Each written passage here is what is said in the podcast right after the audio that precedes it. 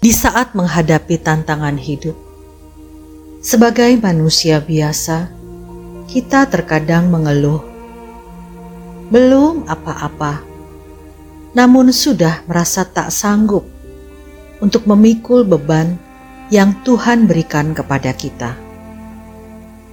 Firman Tuhan dalam Matius 24 ayat 13 berkata, Tetapi orang yang bertahan sampai pada kesudahannya akan selamat. Jadi, apa pun persoalan yang sedang kita hadapi, bertahanlah. Jika kita ingin bertahan menghadapi musim-musim kehidupan yang penuh tantangan, langkah-langkah di bawah ini akan dapat membantu kita.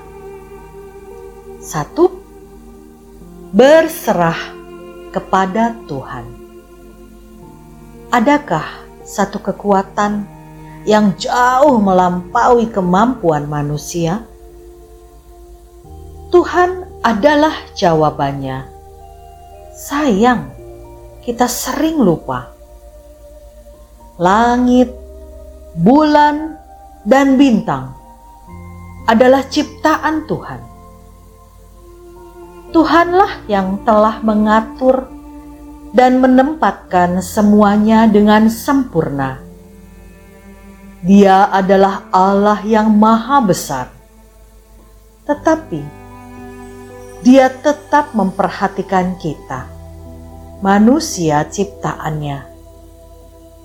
Jika demikian hebatnya Tuhan, haruskah kita berlarut-larut dalam kekhawatiran? Haruskah kita menyerah dan putus asa? Sudah selayaknya kita berserah dan bertahan. Mazmur 55 ayat 22 menegaskan, Serahkanlah khawatirmu kepada Tuhan, maka ia akan memelihara engkau. Tidak untuk selama-lamanya, dibiarkannya orang benar itu goyah Dua, jangan berhenti, teruslah berusaha. Saat ombak kehidupan menerjang, kita dapat tergoda untuk berhenti berusaha. Saat seolah tidak ada harapan lagi, tidak punya apa-apa lagi, haruskah kita berhenti dan tidak melakukan apa pun? kita perlu untuk terus berjuang menjalani hidup ini. Jangan biarkan tantangan membuat langkah kaki dan langkah iman kita terhenti.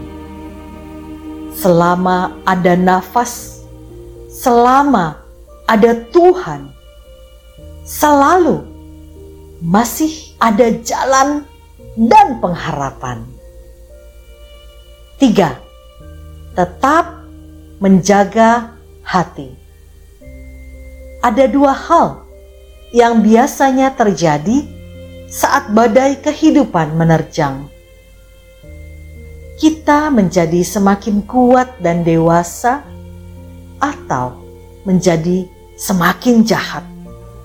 Maksudnya, saat kita tidak menjaga hati, kita bisa semakin jahat. Kita menjadi tidak bersyukur, banyak mengeluh, dan mengutuki Tuhan, serta ragu akan kuasanya. Di saat itulah kita menjadi rentan terhadap godaan iblis. Saat itulah kita perlu tetap menjaga hati saat hidup sedang sangat sulit, kita perlu menjaga hati kita dengan lebih intens. Menjaga hati akan memberi kita kekuatan untuk bertahan. Baca dan hayati firman-Nya. Maka kita akan mendapat pencerahan dan kekuatan untuk bertahan bahwa tantangan yang sedang kita hadapi akan berlalu dan berakhir. Jadi, bertahanlah. Amin.